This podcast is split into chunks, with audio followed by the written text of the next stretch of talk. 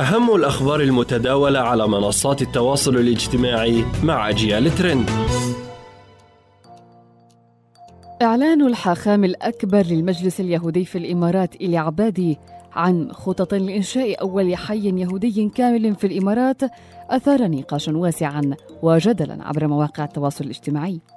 في تصريح صحفي نقلته صحيفة جيروزالم بوست الإسرائيلية قال عبادي إن الحي اليهودي المزمع إنشاؤه سيضم كنيسا ومنازل ومدارس ومركزا مجتمعيا وفنادق وسيكون الحي اليهودي الأول من نوعه في دول الخليج والأحدث في الدول العربية.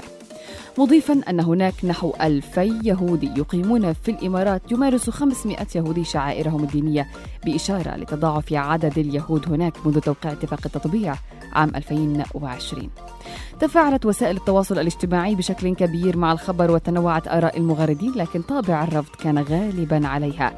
إذا اعتبر كثيرون أن الخبر إن صح إذا اعتبر كثيرون أن الخبر إن صح يعد تغلغلا خطيرا جدا على أمن الخليج ورأى آخرون أن أسلوب الاستيطان يتم تكراره حاليا في الإمارات. من جهة أخرى اعتبر عدد من المغردين أن الخبر يثبت مدى التسامح في الإمارات وأنها دولة للسعادة والتطور واستقرار ال... واستقرار الزوار ورخاء للجميع. لا لمهرجان نابية على أرض سيناء. هاشتاج أشعل مواقع التواصل الاجتماعي تحديدا موقع تويتر. أثار إقامة مهرجاني جراوند ونابيا الموسيقيين الإسرائيليين في مصر غضبا جماهيريا واسعا وضجة كبيرة عبر مواقع التواصل الاجتماعي رفضا لإقامتهما على أراضٍ مصرية.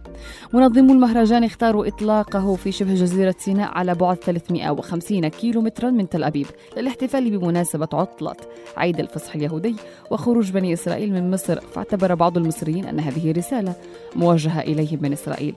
كما يصادف هذا التوقيت إحياء مصر لذكرى تحرير سيناء التي احتلتها إسرائيل في عام 1967 كما أعلنت الحملة الشعبية المصرية لمقاطعة إسرائيل عن تحقيق ما وصفته بانتصار جديد بعد تراجع أحد الفنادق الحكومية الشهيرة بسيناء عن استضافة المهرجان في وقت دعت فيه إلى تحرك جديد ضد منتجعين استضافا المهرجان مؤكدة أهمية ما وصفته بالنفس الطويل في مواجهة التطبيع ورحبت الحملة في بيان نشرته عبر صفحتها في فيسبوك بإصغاء الفندق لصوت الجماهير المصرية بإلغائه النشاط التطبيعي الصارخ الذي أهان الشعب المصري ودعوة لعدم قبول هذه الأنشطة التطبيعية في المستقبل.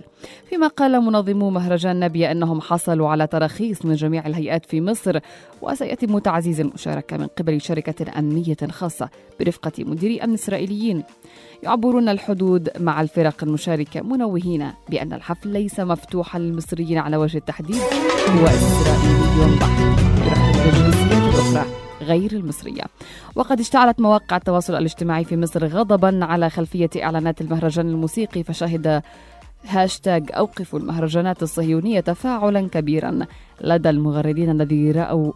وقد اشتعلت مواقع التواصل الاجتماعي في مصر وقد اشتعلت مواقع التواصل الاجتماعي في مصر غضبا على خلفية إعلانات المهرجان الموسيقي فشهد وسم أوقف المهرجانات الصهيونية تفاعلا كبيرا لدى المغردين الذين رأوا أن الاحتفال محاولة جديدة للتطبيع مع إسرائيل واختراق للمجتمع المصري.